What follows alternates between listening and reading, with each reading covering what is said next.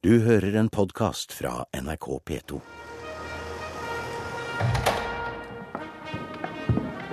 Kanskje det var her Tordenskjold Der står Tordenskjold i trappa der, ser du. Der står Peter Westergren i bronse.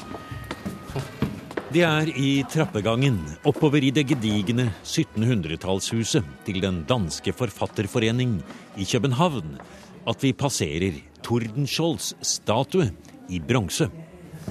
Det heter Tordenskjolds gård fordi Tordenskjold har boet her i en lille periode av sitt liv. Jeg har jo lest seks bind av Knausgård, så jeg føler meg som norsk.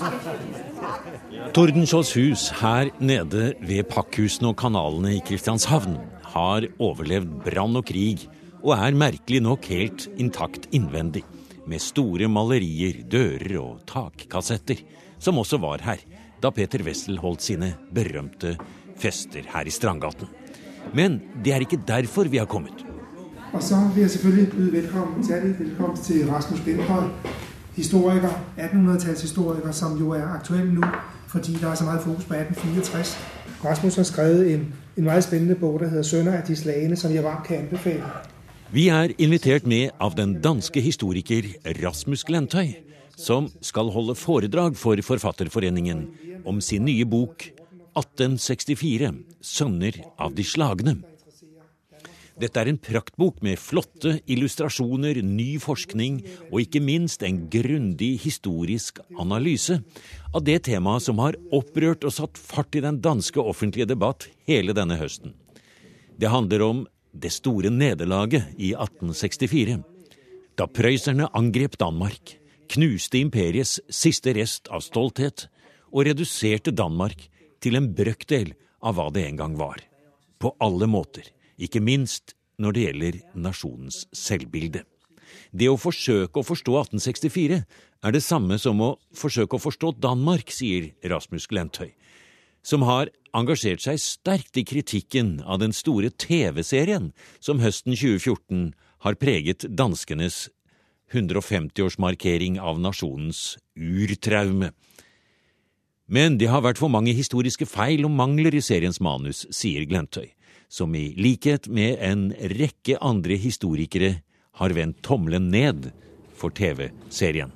Altså, det handler jo om at uh, 1864 er det danske urtraume, og også at 1864 uh, den dag i dag blir brukt politisk både på høyrefløyen og på venstrefløyen. Og i denne TV-serien har vi en meget kontroversiell tolkning av 1864, for å si det mildt.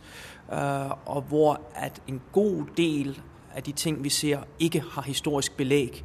Hvilket både har gjort at man har opphisset uh, høyrefløyen i Danmark voldsomt, men samtidig også har opphisset uh, mange historikere uavhengig av hvor de står rent politisk, fordi at øh, historikerne bestemt ikke kan genkende dette billede, der blir skapt av 1864 i TV-serien.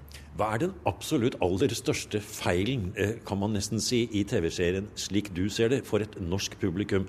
Har det å gjøre med eh, konsilipresident Monrads rolle, slik han blir fremstilt? Det er nok det aller største problem. At man har taget samtlige toppolitikere og så slået sammen i figuren Monrad. Så alle politikere er samlet i én person, og så har man lagt Grundtvig oven i politikerne.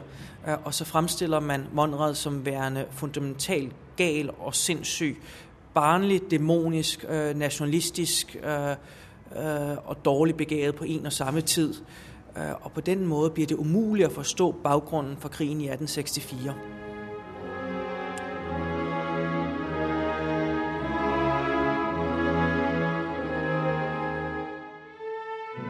Likevel, og kanskje særlig fordi det store TV-dramaet om 1864 også ruller over norske TV-skjermer denne høsten, så skal vi i dette programmet i hvert fall prøve å finne ut litt mer om de dramatiske tiårene som fulgte i Danmark etter tapet av Norge i 1814.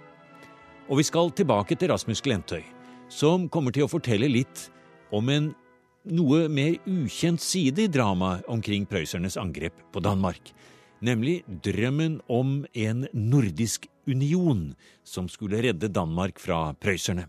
En helt konkret nordisk føderasjon med eget felles parlament og en felles konge. Men først går vi litt tilbake, til starten av de slesvigske kriger. Slaget på Isted Hede i Slesvig i juli 1850. Det er det knapt noen nordmann som har hørt om.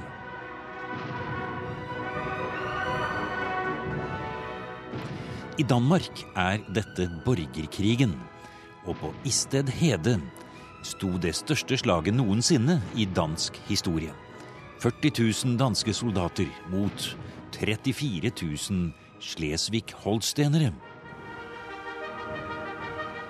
En av de store danske nasjonalromantiske komponister, Hans Christian Lumby, skrev denne musikken til Tivolis symfoniorkester i København 1851.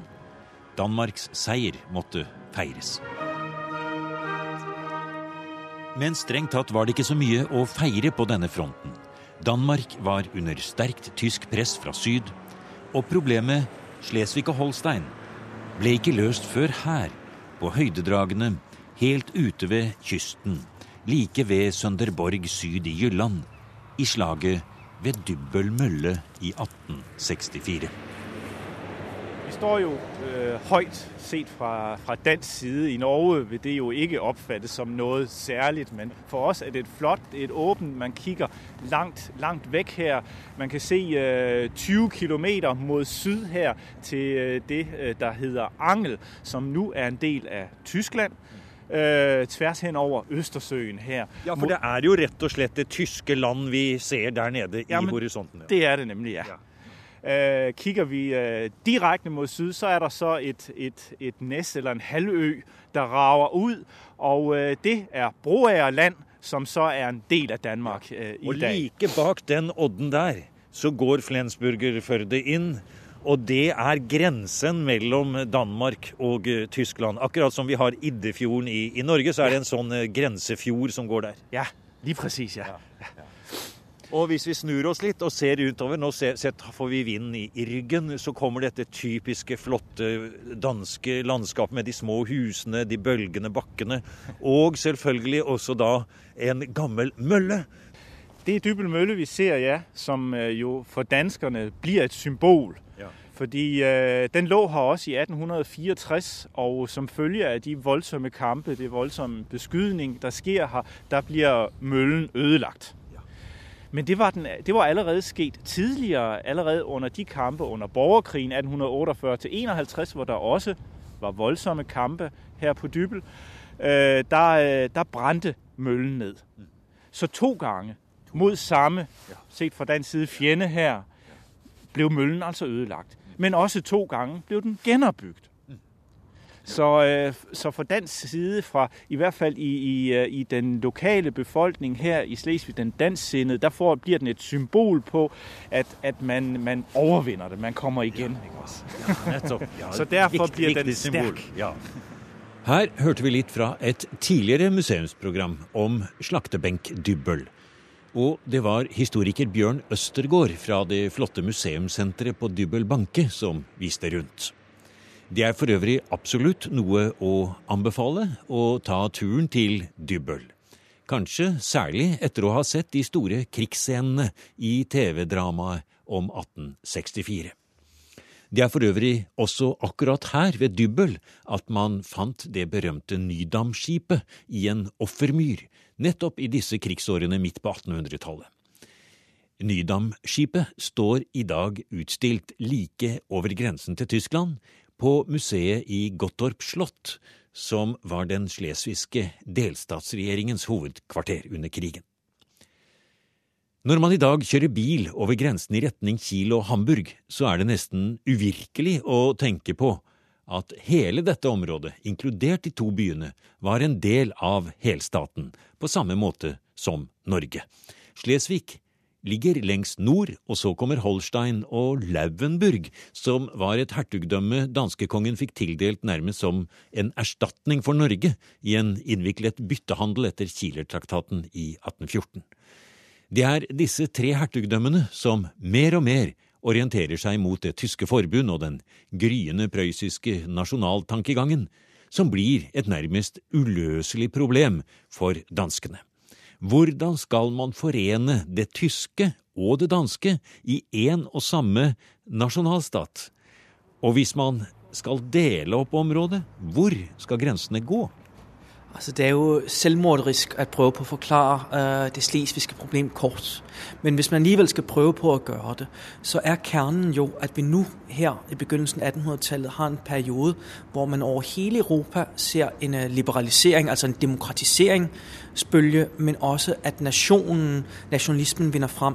Altså, Spørsmålet er her Man mener flere og flere at folket skal ha magten, præcis liksom i Norge. Men forskellen er uh, fra Norge og resten av Europa er at i Norge der faller uh, staten, nationens grænse sammen. Det er ikke et problem. Men resten av Europa består av mer eller mindre store imperier, herunder det noget uh, beklippede danske imperium, hvor der både lever danskere og tyskere. Så når man sier folket skal ha makten, så er spørsmålet hvem er folket? Og når man så sier henholdsvis danskerne er folket og tyskerne er folket, hva skal man så gjøre? Det logiske er selvfølgelig å dele staten som sådan, men her er problemet Slesvig. Fordi Slesvig er et dansk hertugdømme, men det er historisk administrativt tett forbundet til det tyske uh, Holsten. Og nok så meget så er befolkningen sprogligt og kulturelt blandet mellom dansk og tysk. Og derfor blir Slesvig i virkeligheten en gordisk knude. Denne gordiske knuten, sier Rasmus Glemtøy, ble ikke hugget over før med novemberforfatningen, som Folketinget vedtok i 1863. Den ville inkludere Slesvig i kongeriket og trekke sydgrensen ved elven Eider like nord for Kiel. Og det ble en katastrofe. Både det tyske forbund, hertugdømmene og ikke minst stormaktene, som Russland og Storbritannia, protesterte. Dette var brudd på fredsavtalen fra 1850, og Danmark sto alene mot overmakten, helt til den prøyssiske hær knuste all dansk motstand med sine kanoner på Dybbøl banke våren 1864. Og hvordan kunne Danmark tro at de skulle greie seg? Vel, sier Rasmus Glentøy, la oss ikke glemme at i borgerkrigen, som sluttet i 1850, så hadde Danmark flere store seire. Man så seg selv som en europeisk stormakt de to store slag uh, som blir sett som seirene i den første slesvigske krig, det er Fredericia i 1849, hvor utfallet blir ledt av den uh, norskfødte general Olaf Rye, som er en av de helt store helte i Danmark på det her tidspunkt. Og så der slaget ved uh, Isted i 1850, hvor en av de store generaler faktisk er en annen nordmann, uh, Sleppelgrad. Uh, så altså, uh, de største helte i Danmark uh, her er faktisk nordmenn. Ja. men det var blott en sidehistorie her. Men det er med til å skape en stemning i en god del av Danmark, i den danske offentlighet, av at vi var i stand til å vinne krigen selv, hvilket ikke er korrekt. Man vinner fordi at Prøysen blir tvunget ut av krigen av Russland. Det er den eneste årsak. Så det er med til å skape en overspent nasjonalisme som samtidig blokkerer for at politikerne kan lave de ting som de måske i virkeligheten gjerne ville. Sagen er nemlig den at de nationalliberale politikere som er, øh, kommer til magten i våren 1848 på et program der heter Danmark til Ejderen, i virkeligheten nok er parat til at dele Slesvig hvis det er det der skal til. Faktisk ønsker de det som løsningen i høsten 1848, men folkestemningen er imot, og nok så meget, så er kongen imot. Frederik den 7. vil ikke ha det, så Frederik den 7. avskeder regjeringen i 1848 da den prøver på å dele Slesvig. Og herefter er det meget, meget vanskelig å dele Slesvig, navnlig i fredstid. Da kongen er imot, og da folket i den grad er imot, navnlig efter krigen, hvor man tror man har vunnet. Ja, så vi må bare skyte inn at Fredrik den syvende, det er jo vår Christian Fredriks sønn, ja. som har kommet til makten. Og det er han som også gir danskene den nye forfatningen. Han tillater det. Og det er han altså, som du forteller nå, som står frem og skal forsvare det danske og avskjedige regjeringen. Han virker jo da som en veldig sterk og aktiv regent, men det er han vel egentlig ikke? Uh, jeg mener at Fredrik den 7. er den sønn som Kristian 8. ikke hadde fortjent. Uh, han var utrolig folkelig, og det var jo en god ting når man skulle til å ha en konstitusjonell monark. Men han var han var en drukkenbolt, han var en lystløgner, og han var mentalt ustabil. Men populær var han, Fredrik den 7., sønnen til den norske 1814-kongen Christian Fredrik, som hadde blitt kong Christian 8. i Danmark. Og siden Fredrik den 7. døde barnløs, for øvrig rett før han fikk skrevet under på novemberforfatningen, så åpnet hans død for en ny slektsgren inn på den danske trone, nemlig Glyksburgerne, som jo den dag i dag er grunnstammen i både det danske og norske kongehus. Og nå legger vi selve det militære ved 1864 bak oss, og spør heller om tidsånden i Norden i disse turbulente årene etter 1814 og fram til nederlaget ved Dybøl. Og den tidsånden var preget av drømmen om et samlet Norden, skandinavismen, sier Rasmus Glentøy. Men hvordan kan det stemme, spør vi, tenk på alle de kriger som har vært mellom Danmark og Sverige. I hundrevis av år har disse to nasjonene stått mot hverandre. Det er jo nok å minne om hvordan Danmark taper Skåne, Blekinge og Halland til Sverige, for ikke å snakke om Bohuslen i 1658. Og i flere kriger etter det, ikke minst napoleonskrigene, sto Danmark og Sverige på hver sin side. Hvordan kunne det da ha seg at Danmark byttet ut sin gamle arvefiende og fikk en ny først lenge etter 1814 og tapet av Norge? Som jo også er et eksempel på svensk aggresjon mot Danmark. Uh, Norge passer dårligere inn i den nasjonale fortellingen, fordi det er få danskere der kan ondt av at nordmennene fikk deres egen stat. Det, det, vi er glade på nordmennenes vegne. Uh, mens at, uh, at når det gjelder tapet av Skånelandene, som vi normalt kaller dem, jamen så er det længere borte, og nok så meget, jamen så var det broderlandet Sverige, øh, som tog det, mens at uh, tabet i 18, 18, 1864, det er de i gåseøjne onde tyskere, Danmarks nye arvefjende. For det, der sker efter 1814, det er, den traditionelle arvefjende, Sverige, lige pludselig nu i skandinavismens ånd bliver til danskernes bror. Så derfor kan vi ikke på samme måde bruge et svensk fjendebillede og fortælling om Skånelandene som det store traumatiske nederlag. Det bliver 1864 på det er den nye onde ånd, landet som bliver ved med at true os op igennem første halvdel af det 20. århundrede. Det er Tyskland, som er simpelthen dyret i den danske åbenbaring. Og skandinavismen, sier Rasmus Glentøy, drømmen om at Norge, Sverige og Danmark skulle stå sammen i et forbund, eller kanskje under en og samme konge, den hadde hele tiden vært der, men blitt holdt nede av frykt for hvordan stormaktene ville reagere. Og Bernadottene på Sveriges trone, i første rekke Oskar den første og hans sønn Karl den 15., var begge sterkt for et forent Norden. Og dermed var jo også Norge om bord, siden den norske utenrikspolitikken skulle håndteres fra Stockholm. Dette var ikke bare drømmerier. Også det danske kongehuset, særlig under den nye Glücksburgerkongen Christian 9., var klar til å støtte Nordens forente stater, sier Rasmus Glentøy. Altså Sagen er jo den at skandinavismen er blitt holdt nede av frykten for Russland. Men da Russland taper i Krimkrigen i 1856, øh, så ser man fra Oskar den første side av muligheten for at man kan forene Norden. Vi vet at Fredrik Frederik 7. Han, jo, han har ikke fått noen barn. Det er således øh, ikke noen direkte arving. Stormaktene har godt nok sagt at prins Christian Glücksborg skal arve hele den dansk-tyske stat. Men øh, Bernadotterne ser seg selv som dem, der skal samle Norden her. Så Oscar fører en meget aktiv udenrigspolitikk for at prøve at vinde Danmark for en forening. Og den politikk overtager Karl så øh, bagefter, da hans far jo dør. Øh, og han ser seg selv som, øh, som Nordens øh, Victor Emanuel, altså den konge som samlede Italien. Så spørsmålet er blot hvem skal være Nordens kavur, hvem skal være den statsmann der kan føre denne politikk ut i livet. og i Danmark, det er man, det er man i ledende kredse, nasjonalliberale kredse, indstillet på at man skal forene Skandinavien.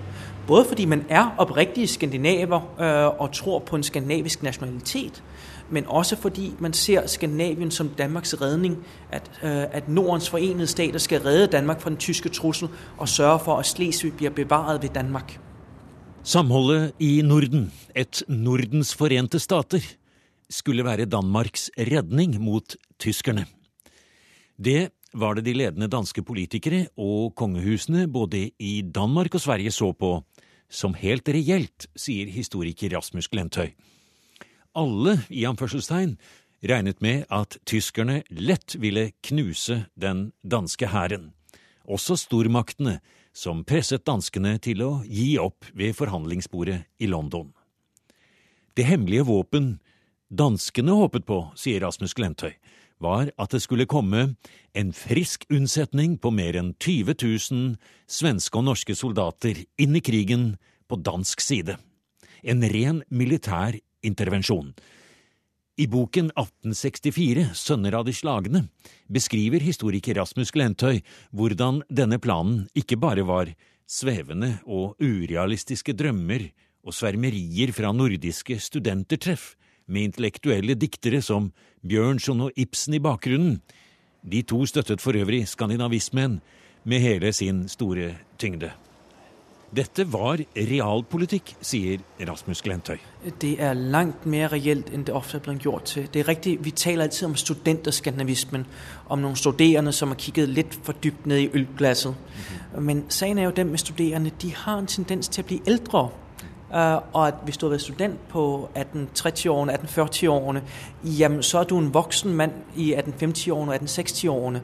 Og hvis du har vært studerende, uh, jamen så bliver du bagefter en del av landets elite. Så i Danmark er det simpelthen skandinavisterne, der helt bogstaveligt talt sidder på magten i 1850-årene og 1860-årene. Ligesom at der er skandinavister højt på strå både i uh, Norge og navnlig i Sverige her. Uh, og at, uh, som sagt, vi har både den danske konge Frederik den 7. og Karl den 15., Sverige Norges konge, er begge to skandinavister. Så vi blir nødt til å ta denne bevegelse alvorlig. Ja, for du, du, beskriver på en veldig fascinerende måte, etter mitt syn, i din bok hvordan f.eks. da Fredrik den 7. inviterer Karl den 15. over til Danmark, og man er en del sammen, og man har til og med med Karl den 15. på militærøvelser i Danmark. Og ved en annen anledning så skriver du så er det folketingsmedlemmer som henstiller til svenskene om å faktisk komme og overta makten i København. Altså, Vi har rent faktisk at uh, ledende ministre uh, i regjeringen i, uh, i, begynnelsen av 1863 faktisk tropper opp hos Henning Hamilton, der er Sverige Norske sant her i København, og slett rett sier vi ønsker Nordens forenede stater. Vi vil ha en føderal stat med felles hær, felles flåde, felles telegrafvæsen med videre, og et felles unionsparlament, enten i Stockholm eller Göteborg, hvor man skal ha et underhus efter folketall, og så et overhus, hvor at Danmark, Norge og Sverige er ligeligt repræsenteret, og så skal Karl den 15. være vår konge. Det er jo helt som man nesten ikke tror det man hører. Dette er ikke så veldig mye fremme, i hvert fall ikke tror jeg i norsk eh, bevissthet. Altså Det er som Hamilton skriver hjem til Stockholm, dette er landsforræderi i prinsippet. I prinsippet kunne Monrad, som var mannen der gjorde det først, være blevet øh, lagt på hjul og stejle ifølge danske lov. Mm. Nu er det nok neppe noen der hadde hugget hovedet af Monrad for å ha gjort dette, hvis man hadde oppdaget det. Øh, men det sier noe om at man mente skandinavismen dypt alvorlig, og at man også følte seg ekstremt troet fra Tyskland av. Man visste godt man befant seg i en farlig situasjon.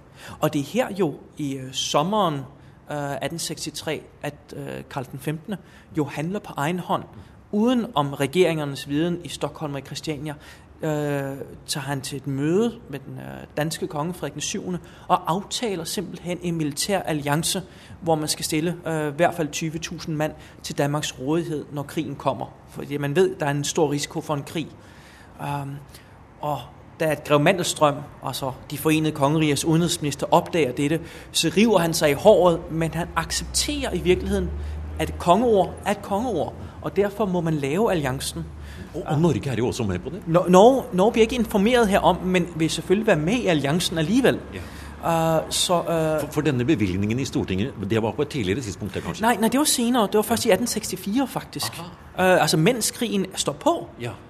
Stortinget behandler i, i våren 1864 efter Karl 15.s ønske en, en, et bevillingsspørgsmål, hvor man bevilger, at der kan bli stillet 5.000 mann til rådighet i forhold til en krig. Dog øh, giver man udtryk for, at man kun ønsker, at Norge går med i krigen, hvis enten Storbritannien eller Frankrig også går inn i krigen. Og det er også det, som øh, ender med å være årsagen til, at Sverige ikke går med. Man vil, man vil gerne deltage, men man vil enten ha Storbritannien eller Frankrig med. Så så nær var man altså en nordisk union. Eh, bevilgninger i eh, nasjonalforsamlingene. 22 000 mann skulle marsjere inn i Danmark. Det skulle utkjempes slag mot Tyskland.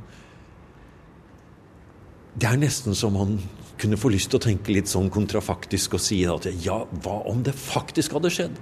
Sett at de hadde stilt opp med det de lovte, og som kanskje alle trodde i en sånn begeistret skandinavisk rus den gangen. Danskene ønsket det, eh, mange i Sverige ønsket det, og kanskje i Norge var det ikke så kjent, men altså, det var mange som meldte seg frivillige også på tidligere tidspunkt, så det var jo ikke slik at disse krigene var ukjent. Det var innsamling av penger osv. Det var et stort tema. Det er et helt vers i nasjonalsangen som handler om dette. Jamen altså, øh, jeg tror vi har undervurderet øh, skandinavismens styrke. Øh, ikke blot i Danmark, øh, men også i Sverige og i Norge. Øh, det var ikke sådan, at alle nordmænd var tændt af en skandinavisk glød, bestemt ikke. Men vi skal tænke på, når vi sammenligner med for eksempel Italien, så var det jo kun et mindretal af italienerne, som egentlig følte sig som italienere og ønskede Italiens samling, men det skete alligevel. Så vi bliver nødt til at se disse bevægelser her i det europæiske perspektiv og tage dem alvorligt, fordi der var mange, der kæmpede for dem og ønskede, det skulle ske. Og i udlandet havde man egentlig forventet, at Sverige Norge gik med i krigen, og man var frygtelig tæt på mange gange på at komme med i krigen. Du har nå hørt en podkast av programmet Museum fra NRK P2. Og send gjerne en e-post til museum krøllalfa nrk.no.